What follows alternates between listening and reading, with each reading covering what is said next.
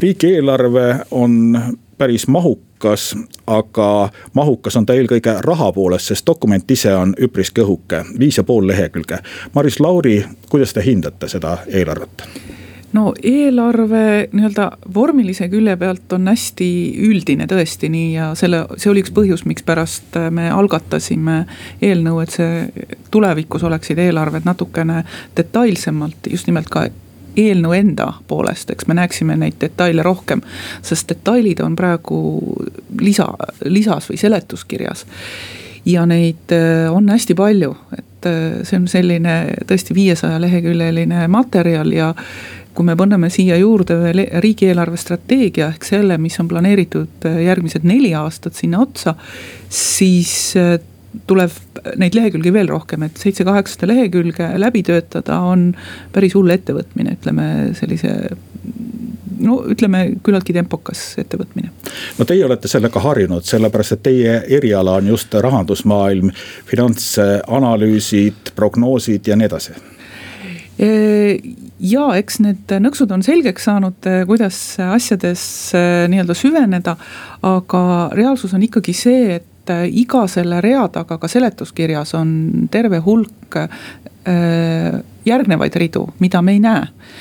Mis on eelkõige siis rahandusministeeriumis, aga ka nendes seotud ministeeriumites kirjas, eks, mida nad täpsemalt tahavad teha ühe või teise summa all. Ja see ongi see, mida siis ministrid käivad äh, riigikogu komisjonis, rahanduskomisjonis, aga ka siis vastavas valdkonnakomisjonis seletamas. me esitame küsimusi ja, ja nõuame vahetevahel ka neid numbreid täpsemalt välja. Äh, ega riigikogu ei pea tegelema tõesti nende tuhandetega seal, eks, et äh, riigikogu jaoks on oluline aru saada nagu põhimõttelistest asjadest, kui me räägime miljonitest, kümnetest miljonitest, ka sadadest miljonitest. Et äh, päris hirmutav on see, et äh, kui on äh, noh, üks rida on üle poole miljardi, eks. see on märkimisväärne osa riigieelarvest ja see ongi ainult üks rida, eks, riigieelarve enda sees, et see peaks olema natuke detailsemalt välja toodud. Et näha, kuhu nad siis lähevad, ma räägin siin haridusest, eks, et kogu nii-öelda hariduse plokk ongi piltlikult öeldes kulude rida, et nii palju kulutatakse haridusele Äh, selleks, et aru saada näiteks, kui palju läheb üldharidusele, koolidele, kui palju läheb kutseharidusele, kõrgharidusele. et see on juba seletuskirjas toodud ja kahjuks on häda selles, et seletuskiri on seletuskiri, see ei ole seadus. ja see tähendab seda, et asju võidakse noh ümber tõsta ja, ja nii-öelda me võime teha ühe eelarve, reaalsus võib osutuda lõpuks teistsuguseks, see on ka natuke hirmutav ja ometigi peaks olema riigikogu see, kes määrab ette reeglid ja valitsuse pool on see täidesaatev võim, kes peaks neid ellu viima. ja, et äh, ongi natuke häda selles, et noh, seesama lugu, et kui meil on äh, suur summa kirjutatud, ütleme niimoodi, et äh, on pandud kogu hariduse raha. ja me leiame näiteks, et hariduse sees peaks raha teistmoodi jagama, siis sellist muudatust ei saa riigikogu teha see on äh, nii-öelda äh, väljaspool riigieelarvet, ma arvan, et see ei ole õige. Me peaksime ikkagi nägema neid võimalusi ja saama otsustada, et läheb rohkem raha näiteks hariduse sees teistmoodi asjade ümberjagamiseks. kui riigikogu näiteks otsustab seda, et ta ei pruugi seda teha, aga, aga võib-olla tahab. Äh, praegu on nii, et kui me tahame midagi muuta, siis me peame piltlikult öeldes võtma äh, raha teise ministeeriumi valdkonnast äh, ja tõstma kuskile mujale, et. me peame tegema ministeeriumite üleseid ümberpaigutusi, et saada mingisugust noh, muudatust piltlikult öeldes, et kui me tahaksime Äh, teedeehitusse raha juurde panna, siis võtame haridusest ära, paneme teedeehitusse, saame öelda, et see raha peab teedeehitusse, see läheb majandusministeeriumi alla. ja siis, kui tahame saada õpetajate palgale raha, siis võtame äh, majandusministeeriumist mingi raha ja ütleme, et see nüüd läheb äh, õpetajate palgatõusuks haridusministeeriumi all. aga võiks olla võimalus tegelikult seal sees natukene rohkem otsustada selle üle, kuidas raha jagada. et ma arvan, et see oleks parem ja rääkisime eelnevalt sellest, et riigieelarve on väga üldine ja seal ei ole detailideni asju välja toodud, vaid need üksikasjad on pigem seletuskirjas, mis ei ole siis seadus iseenesest. ja oli juttu ka sellest, et te olete esitanud opositsiooniga eelnõu, mis nõuakski riigieelarve detailsemat lahtikirjutamist. missugused on võimalused või ootused või prognoosid, kas see eelnõu võib, läbi minna, sest vaja on ka koalitsiooni vähemalt mõnede saadikute toetust ma tahaksin loota, et see saab toetuse, sellepärast et seda muret on ju tegelikult kõik riigikogu erinevates, mitmes koosseisus ja erinevate fraktsioonide inimesed väljendanud, seda enam, et koalitsiooni siin saadikute eestvedamisel oli minu mäletamist mööda Peeter Ernits, kes algatas vastava toetusgrupi või, või sellise rühma, kes teeks eelarve selgemaks ja arusaadavamaks. nii et ma loodan tõesti, et et äh, sellega tullakse kaasa ja me oleme nagu valmis eri, noh, me pakkusime ühe lahenduse välja, eks, aga, aga seal on võimalik ka teisi lahendusi, et otsida siis see viis, et asjad oleksid arusaadavamad mis on probleem, on see ju, et seletuskiri hea tava puhul sellest peetakse kinni, eks, et mis on äh, seletuskirjas kirjas. Äh, ja tehaksegi nii, nagu on räägitud, aga pahatahtlikul viisil võib teha niimoodi, et et öelda, et see on seletuskiri, see ei ole seadus ja ma võin kulutada nii, kuidas ma tahan.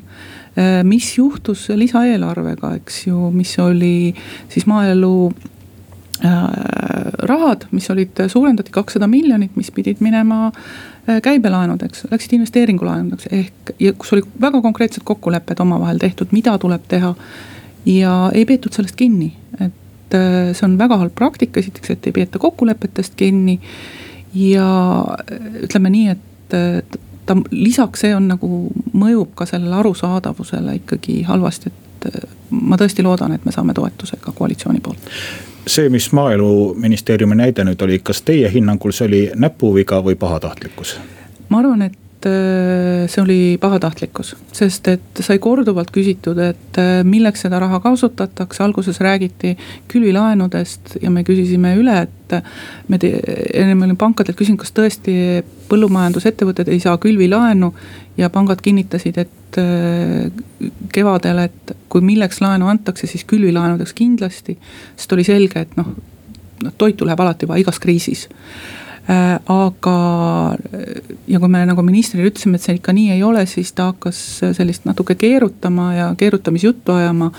ja pärast selgus, et veel enne, kui eelnõu oli vastu võetud, hakati juba valmistama ette materjale ja risti vastupidi sellele, mis oli komisjonis arutelus. ja me juhtisime opositsiooni poolt tähelepanu, et nii tehakse, aga Äh, noh, koalitsioonil on enamus, nad, on võimalus ignoreerida ja, ja teha seda, mis nendele meeldib, kahjuks nii see oli nüüd lisaeelarve lugu. tänavuse või õigemini järgmise aasta eelarve menetlus on komisjonis juba alanud ja olete kohtunud mitmete ministritega. kas ministrid on andnud teile rahuldavaid selgitusi? Äh, no eks oleneb ju ministrist ja valdkonnast, et välisministeeriumi teemad on suhteliselt lihtsad ja arusaadavad ja. ja selle tõttu ei ole suuri küsimusi ja suuri vaidlusi. Äh, palju suuremat diskussiooni tekitas see, mis oli jutt haridus- ja teadusministeeriumist. et äh, seal on esiteks väga suured summad ja oli oluline kuulata, mida nad teevad äh, ja tõesti väga tore asi, et teadusrahastust suurendatakse ühe protsendini SKP-st nüüd mure on selles, et eh, see raha pudistatakse laiali väga erinevatesse kohtadesse. Noh, seal ongi nii, et üks osa läheb majandusministeeriumi altkonda, üks osa läheb haridusministeeriumi alla ja siis teised ministeeriumid saavad veel natuke peale ja see tähendab seda, et umbes pisut üle kahekümne miljoni on haridusministeeriumi all ja kui me küsisime, et noh, et mis on nagu mõtted või ideed, et kuhu see raha võiks minna, siis selgus, et et ministeeriumil nagu päris ettekujutust ei ole. ega me ju ei eeldagi, et äh, ministeerium suudaks ütelda nagu täpselt ära, et kuhu see raha läheb. Äh, eriti kui ma sain aru, et see otsus tehti ikkagi viimasel hetkel siis äh, asjaolu, et isegi ei ole ettekujutust, kuhu kohta see raha võiks minna, kas baasrahastusse või mis põhimõtetega seda hakatakse jagama, siis te, see tegi küll natuke kurvaks, et Äh, noh, me reaalselt ei tea, mida siis selle rahaga soovitakse saavutada.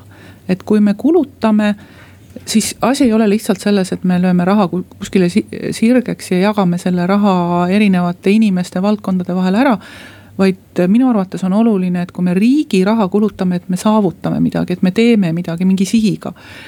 Äh, mul oleks rohkem meeldinud, kui oleks valitsusel ikkagi ettekujutus, milleks nad seda raha kasutavad. see mõnevõrra enam kui viiskümmend miljonit, mis teadusrahastusse juurde tuleb, tundub praegu tõesti niimoodi minema pudinateks laiali. miljoni sinna, võib-olla paar miljonit tänna ja, aga siis ei teki ju sellist äh, nii, et noh, kõik saavad natuke, kõik on natuke õnnelikud. aga kokkuvõttes ju on sellist nihet teadus-arendustegevuses äh, nii ei pruugi tulla viimastel nädalatel on kerkinud taas see kõrghariduse või õigemini täpsemalt öeldes siis tasuta kõrghariduse küsimus ju ka, kas sellele on selgeid vastuseid selles riigieelarve eelnõus? no riigieelarve lähtub ikka kehtivatest seadustest, nii et äh, endiselt on äh, nii-öelda tasuta haridus, mis tegelikult ju noh, me tasume lihtsalt äh, seda raha riigieelarve kaudu. ja tõsi oli ka see, et me väga palju rääkisime ka kõrgharidusest haridusministriga. sellepärast, et on ju teada, et ülikoolide õppejõudude palgatase on nüüd alla jäämas õpetajate palgatasest, tasemest et äh, kuidas siis seda teha, noh oli jutt, et suurendatakse ülikoolidele rahastust. ja, ja siin oli nüüd see koht, kuskohast äh, me ei saanud jälle neid numbreid kuidagi kokku, eks, et kuidas suurendatakse, kus see summa on, kui palju suurendatakse, millised mõtted või millised loogikad on. Äh, ma tõsiselt loodan, et minister saadab peagi meile vastused, need küsimused, mis üles jäid.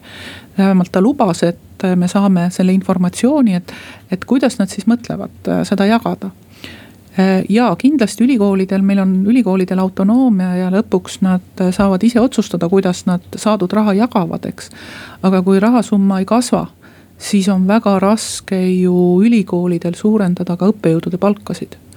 ja see on kindlasti üks suur probleem, et, et võiks ka sinna raha juurde tulla, hariduses rahanappus on ikkagi märkimisväärne, eks ju, me oleme kuulnud ka sellest, et õpetajad heidavad ette, et palka, palgatõusu ei ole ja seda ei ole ka mitte järgmistel aastatel ette nähtud. et noh, ütleme nii, et väga kurb on näha, et minu arvates haridus, teadus, mis on Eesti tuleviku jaoks üliolulised. et nendele nagu raha ikkagi väga, väga napib või seda loetakse väga kitsalt Äh, õpetajate palgatõus, no kümme miljonit oleks võinud ju leida, eks, aga äh, me oleme vaadanud erinevaid kuluartikleid. ja tundub, et kuskil paar-kolmkümmend miljonit läheb kohtadesse, kuhu me vist ei oleks pannud ja jätkame jutuajamist, meil on stuudios külas riigikogu rahanduskomisjoni aseesimees Maris Lauri, mina olen saatejuht Vallo Kelmsaar.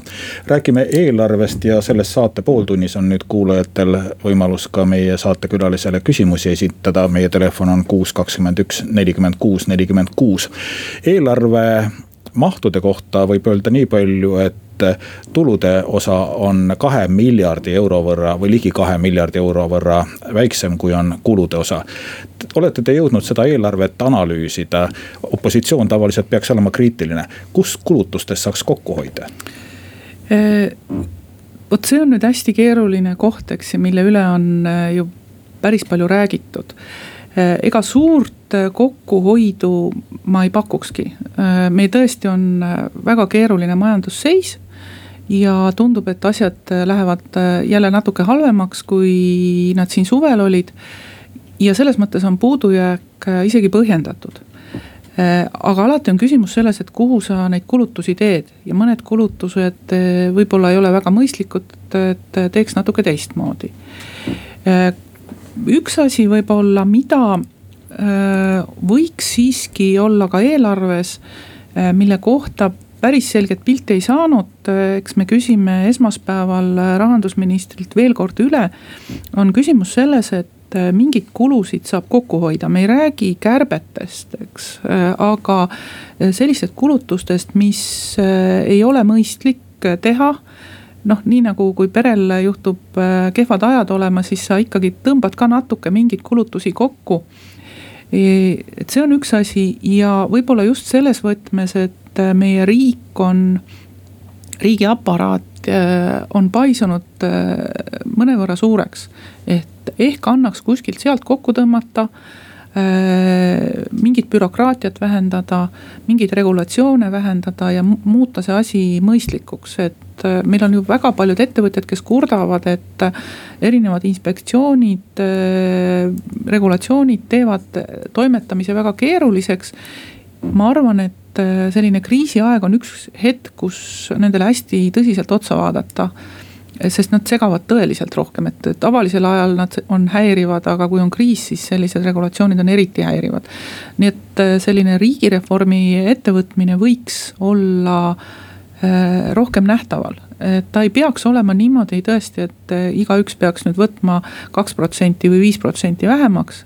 jah, sellel on teatud motivatiivne mõju, aga selline sisuline kokkutõmme peaks toimuma, et seda oleks tahtnud näha, seda kahjuks ei ole seesama riigiaparaadi kokkutõmme, kas ühendametite moodustamine, mida on nüüd tulemas õige mitu, teie arvates annab kokkuhoidu? see oleneb, kuidas see kok-, ühendametite loomine läbi viiakse, et ühelt poolt see peaks vähendama mingisuguseid administratiivkulusid, eks, et mingid toetavad tegevused saab ühendada. teiseks peaks olema võimalus ühendametites tekitada teatavat sünergiat, eks, et mingite asjade jaoks mingite protsesside läbiviimine läheb kiiremaks näiteks või sujuvamaks. et äh, saab kasutada teadmisi, mida võib-olla ühes ametis ei ole ja nüüd, kui liidetakse need erinevad ametid kokku, et siis tekib see lisateadmine.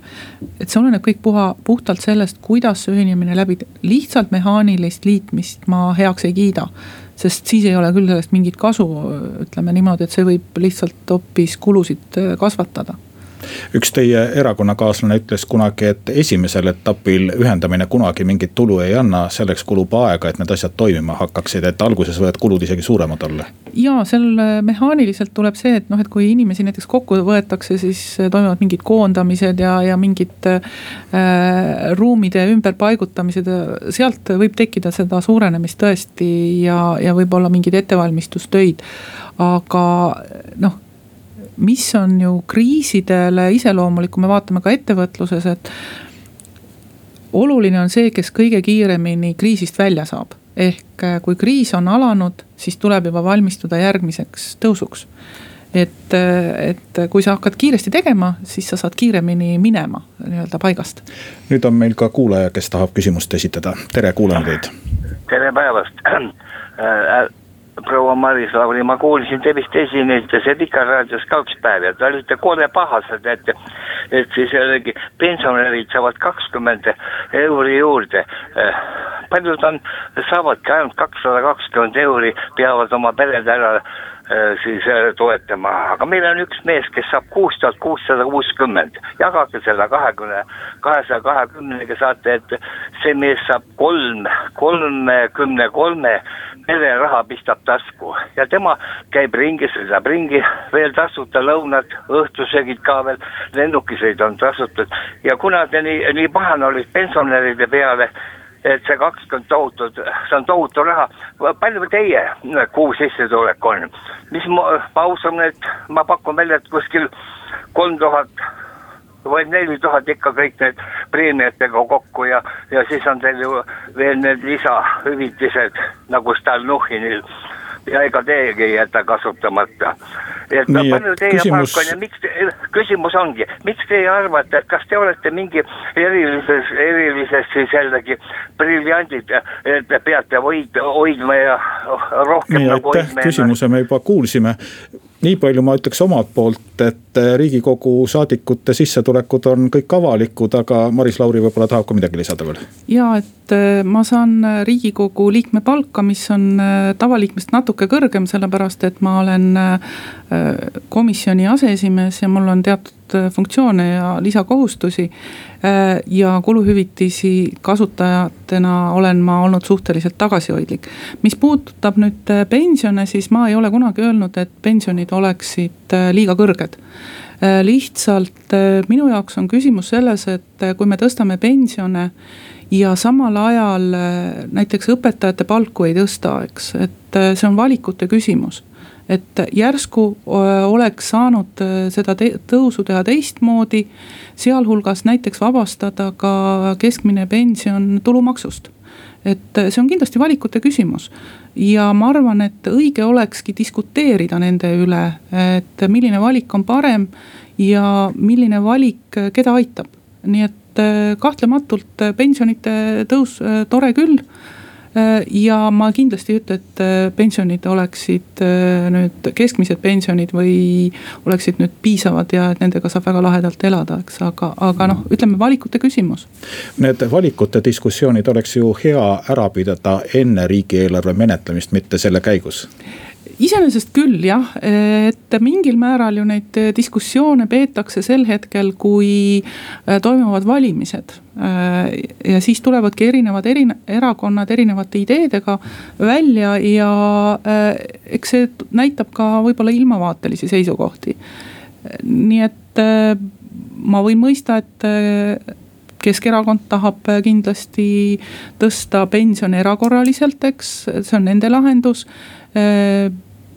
Reformierakonna ettepanek on, et äh, keskmine pension on tulumaksuvaba. ja loome majandusele need võimalused, et maksutulud laekuvad nii hästi, et äh, pensionid tõusevad iseenesest, et äh, tekitada selline täiendav rahavoog. et kui me lihtsalt, me pensione maksame juba praegu väga erinevatest allikatest, mitte ainult sotsiaalmaksust, vaid ka muudest maksudest. ja kui me tõstame lihtsalt äh, pensioni, siis tähendab seda, et me võtame tegelikult teistest äh, kuludest kuskilt ära. et äh, jah, see ongi valikute küsimus, et aga minu arvates oleks hea, kui me suudaksime tekitada olukorra, kus majandus kasvaks nii palju, et maksutulud kasvavad. me saame pensione tõsta, me saame õpetajate palku tõsta ja nii edasi. et see on valikute ja variantide võimalused siin oleks nüüd hea võrrelda numbreid, et kui me räägime sellest, et pension tõuseb kakskümmend eurot, sealt lähevad veel maksuosa läheb maha. aga kui palju annaks inimesele lisatulu see, kui keskmine pension oleks tulumaksuvaba, nagu teie soovite? Ta annaks kõikidele nendele, kes äh, praegu maksavad siis selle, selle, nad pääseksid sellest, et äh, nad peaksid tulumaksu, kui sul on keskmine pension, siis sa ei peaks tulumaksu maksma. ehk äh, praeguse süsteemi juures kõik pensionid, mis lähevad üle viiesaja euro, lähevad tulumaksu alla. ja keskmine pension on praeguseks üle viiesaja euro ja ta tõuseb edasi. et ja see kõik need pensionid, mis on üle keskmise pensioni oleksid maksu all, nii nagu olid äh, varem. Äh, noh, nagu ütleme, aastaid on olnud varem ka et ma arvan, et siis on võib-olla ka nendel pensionäridel, kelle sissetulek on tagasihoidlik ja pension on väike, et siis ka nendel oleks nii-öelda natuke parem vaadata neid pensionäre, kes teenivad tõesti, saavad kõrgemat pensioni ma ei väida, et meie, meil rahvapension oleks äh, väga kõrge, tõesti, see on probleemne, et see on madal. Äh, lisaks on veel teatud äh, juhtumid, noh näiteks naised, kes on olnud lastega pikalt kodus, nende pensionid ka hästi väiksed. Nendega tuleb kindlasti tegeleda ja leida need lahendused, et need oleksid adekvaatsed. aga eks see on kõik on valikute küsimus, et. kuulame ära veel ühe kuulaja küsimuse ja siis teeme väikese pausi. ja kuuleme teid. tere päevast mul on selline küsimus. Te olete nagu Reformierakonna liige. miks need pensionid teie ajal ei tõusnud, et me oleks Euroopaga enam-vähem sinnapoole? ja teiseks, miks sotsiaalhartat ei ole vastu võetud? seal oleks kõik punktid, mis kohustaks midagi tegema. ja see küll praegu, et tõstetakse see summa ja siin härrad, kes saavad ise tuhandeid, on ja mulle kõik, miks? aitäh küsimast äh, mina julgen äh, öelda seda, et nii palju, kui mina mäletan, ma tuletan meelde, et äh, mina olen nüüd poliitikas viimase viie aasta jooksul olnud, on pensione tõstetud.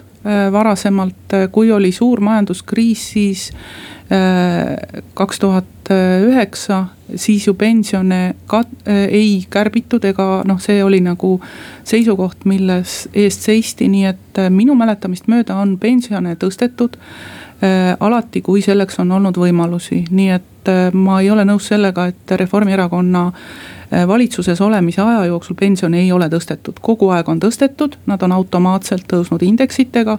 ja kui oli majanduskriis, kus tolleaegse regulatsiooni järgi oleks isegi võinud pensione alandada, seda ei tehtud. et hoopis tõsteti, nii et äh, see on, on noh, ütleme äh, võib-olla natuke ekslik arusaam.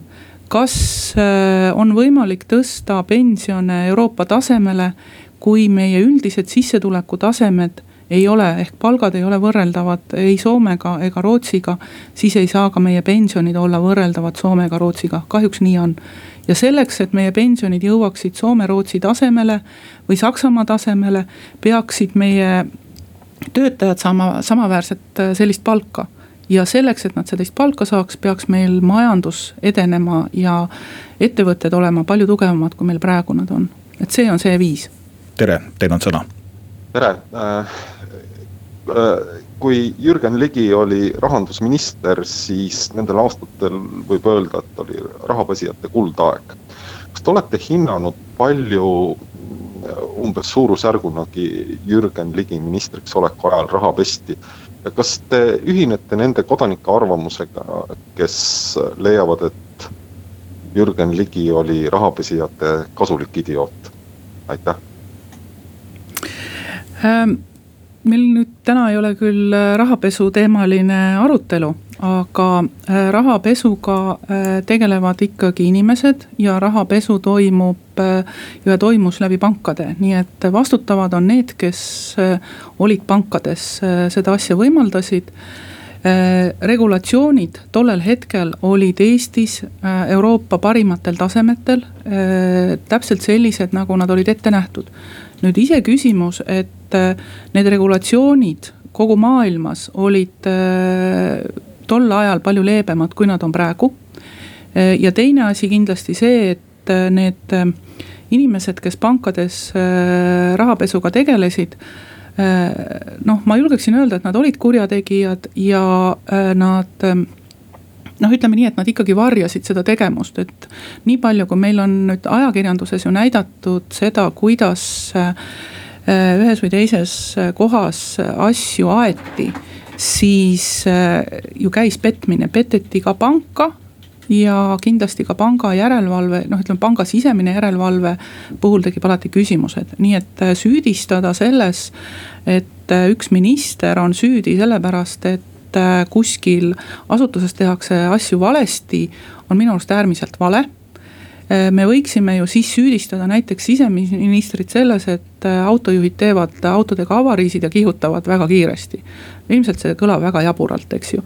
nii et äh, me peame aru saama, et kes vastutab ja kus kohas oli probleem. probleem oli konkreetsetes pankades, sisemises järelevalves ja kindlasti ka nendes inimestes, kes nendes ametites olid kordan meie telefoninumbrit kuus, kakskümmend üks, nelikümmend kuus, nelikümmend kuus ja meil on ka järgmine küsija, tere. tere, teie kui endine pangatöötaja. räägime nagu maksudest, kas teile ei tundu, et maksupoliitika tuleb ümber vaadata? et see tegelikult ei toimu, et tula, tulumaks kaotati ettevõtetel ära, et sellega luuakse töökohti, mis tegelikult ei ole nii, ei ole nii toiminud, nagu on arvatud, et aga ma eeldan julgelt võib öelda, et miljard on Eestis välja kanditud seda raha, mis ei ole tulumaksu alla, alla läinud. ja seda kindlasti Eesti riigil on võimalus ka tagasi saada. aitäh küsimast. esimene, kes hakkas kohe, küsimus ongi selle just, et esimene, kes hakkas just raha välja kantima, oli pangad ja töökohti hoopis kaotama. aitäh küsimus oli ka selles veel, et kas maksupoliitika tuleks ümber vaadata? jaa, äh, maksupoliitikat tuleks äh, pidevalt kohandada selle järgi, millises äh, majandusolukorras me oleme ja, ja kuidas majanduskeskkond areneb. seda on alati väga keeruline teha, eks poliitilised vaated, ilmavaated on väga erinevad meie maksusüsteemis on kindlasti nõrku kohti ja, ja on kindlasti ka tugevaid kohti. noh, ütleme, kui me räägime sellest, et äh, kas ettevõtete tulumaks äh, maksuvabastus, siis investeeringute tulumaksuvabastus, et kas see peaks olema või mitte. siis see on kindlasti olnud väga kasulik nendele ettevõtetele, kes tahavad kasvada ja alustavatele ettevõtetele kellel võib-olla esialgu ei olegi eriti tulusid või tulud on hästi väiksed. kui me vaatame näiteks eelmist majanduskriisi, siis Eesti ettevõtted ja Eesti majandus tuli tänu sellisele puhvrile palju kiiremini kriisist välja kui Läti või Leedu ettevõtted, kus sellist puhvrit ei olnud nüüd teine asi on kindlasti need ettevõtted, kes on nii-öelda küpsed ja mis ei kasva enam nii palju, nemad tahavad äh, tulu välja võtta, nii nagu kõik äh, omanikud tahavad ju lõpuks tulu välja võtta. Ja siin oli kindlasti minevikus see kahekümne protsendiline määr mõnevõrra kõrge, aga nüüd on ju olemas äh, madalam määr. kui sa võtad püsivalt iga-aastaselt mingi osa dividende välja, siis maksad natuke väiksemalt ja see maksumäär on täiesti konkurentsivõimeline. Ja ma arvan, et see on ka õiglane noh, lähenemine, et see, see muudatus ju tuli, eks. Juba me alustasime äh, sellest hetkest, kui oli Reformierakonna valitsus ja peale seda siis see seadus ka võeti vastu nüüd me läksime maksupoliitika peale üle, meil on järgmine küsija ka, loodame, et tema küsimus on siis riigieelarvega seotud, aga eks maksud ole ka mingil määral, kuuleme teid, tere eks see eelarve oleks äh, suur rahapott. Äh, minu küsimus pigem on selline, et äh, Eesti on võtnud laenu, seda on ka Reformierakond põhimõtteliselt igal pool ütelnud, et antud situatsioonis on selle laenu võtmine noh, suhteliselt aktsepteeritud. Nüüd ongi küsimus selline, et noh, me võime arvutada, et kui palju on võetud laenu ja mis see iga inimese kohta, mis Eestis nii-öelda olemas on või sündinud on või veel, veel ära surnud ei ole. et palju see nagu võlakoormus siis ühe inimese kohta teeb et seda me oskame kõik arvutada, aga, aga kas on keegi arvutanud äh, ja on see number nagu teile teada, kui palju me täna nagu iga reaalselt äh, makse maksev äh, ja tööd ja tulu saav inimene siis seda koormust nüüd lähema aja jooksul enda maksudele juurde saab, et kui suur see summa võiks olla. Ja millist nagu nägemust teie kannate selle nii-öelda võetud võla mitte tagasimaksmise kohustuse osas, ehk siis noh, on tänane nagu rahandusminister igal pool püüdnud väita, et kuna nagu intress on sisuliselt miinusega siis iga kord, kui sa refinantseerid oma laenu ja mitte midagi nagu sisuliselt tagasi maksma, noh, ei, ei pea, et, et siis tegelikult sa ei peagi nagu laenu tagasi maksma. et milline nagu teie nägemus on, mis juhtub selle laenuga lähema siis kümne aasta jooksul, mis me siis äh, kokku laenanud oleme, et, et, et mis pärast refinantseerimist sellest nagu saab? aitäh küsimast ja meil on nüüd küll aeg jõudnud nii kaugele, et pikka vastust me enam ei saa lubada, aga Maris Lauri, olge hea. Äh, proovin lühidalt, et et jaa, riigid saavad äh, oma laene refinantseerida, ehk siis äh, maksta vanu laene uue laenuga tagasi. nüüd, mis on probleem, on see, et kui laenukoormus kasvab hästi kiiresti äh, ja seda laenuraha väga mõistlikult ei kasutata, siis laenuandjad ei ole nii varmad uut laenu andma Äh, ja see laen läheb äh, kallimaks, laenu alati antakse, aga antakse järjest karmimatel tingimustel. ehk see laenu tähtaeg võib minna lühemaks ja laenu intress kõrgemaks. Äh, kui näiteks Euroopas väga paljud riigid saavad miinusintressiga laenu ja Eesti sai lühiajalist laenu ka miinusintressiga, siis meie kümneaastane laen on juba positiivse intressiga ja kui me nüüd ähm, hakkame järjest rohkem ja väga jõuliselt uusi laene võtma, siis need intressid hakkavad tõusma. et äh, asi ei ole alati laenu andmises selles, kui äh, madal on laenukoormus, vaid oluline on laenu kasv ka ja milleks seda laenuraha kasutatakse. kui me kasutame selleks, et äh, me loome endale võimaluse tulevikus tulu teenida, siis ka laenuandja saab sellest aru, et nii, et ta maksab selle laenu ära ja tulles äh, kiiresti halvade näidete juurde, siis kreeklased olid ka veendunud, et äh, nad ei pea laene tagasi maksma. selgus, et ikkagi peavad. ja äh, läheme üheksakümnendatesse, ka Venemaa arvas üheksakümmend seitse, et noh, ei ole häda, et me refinantseerime ja need kulud kasvasid. et jah, praegu võib-olla meile see maksukoormus ei suurene, me lihtsalt teatud osa oma tuludest peame kulutama intressideks, ei ole väga suur. aga tulevikus võib see kasvada, kui me hakkame väga palju laene võtma ja kasutama mitte väga targas otstarbel, et siis võivad äh, asjad viltu minna. ja sellega tõmbame tänase Vox Populi ja erikülalise saateosa kokku. aitäh, Maris Lauri saatesse tulemast ja küsimustele vastamast. aitäh kõigile, kes meile helistasid ja küsimusi esitasid. jääme lootma ainult seda, et poliitikud Eestis on nii targad ja mõistlikud, et me Kreeka olukorda kunagi ei satu. ma ka loodan, tänan kuulamast ja aitäh kutsumast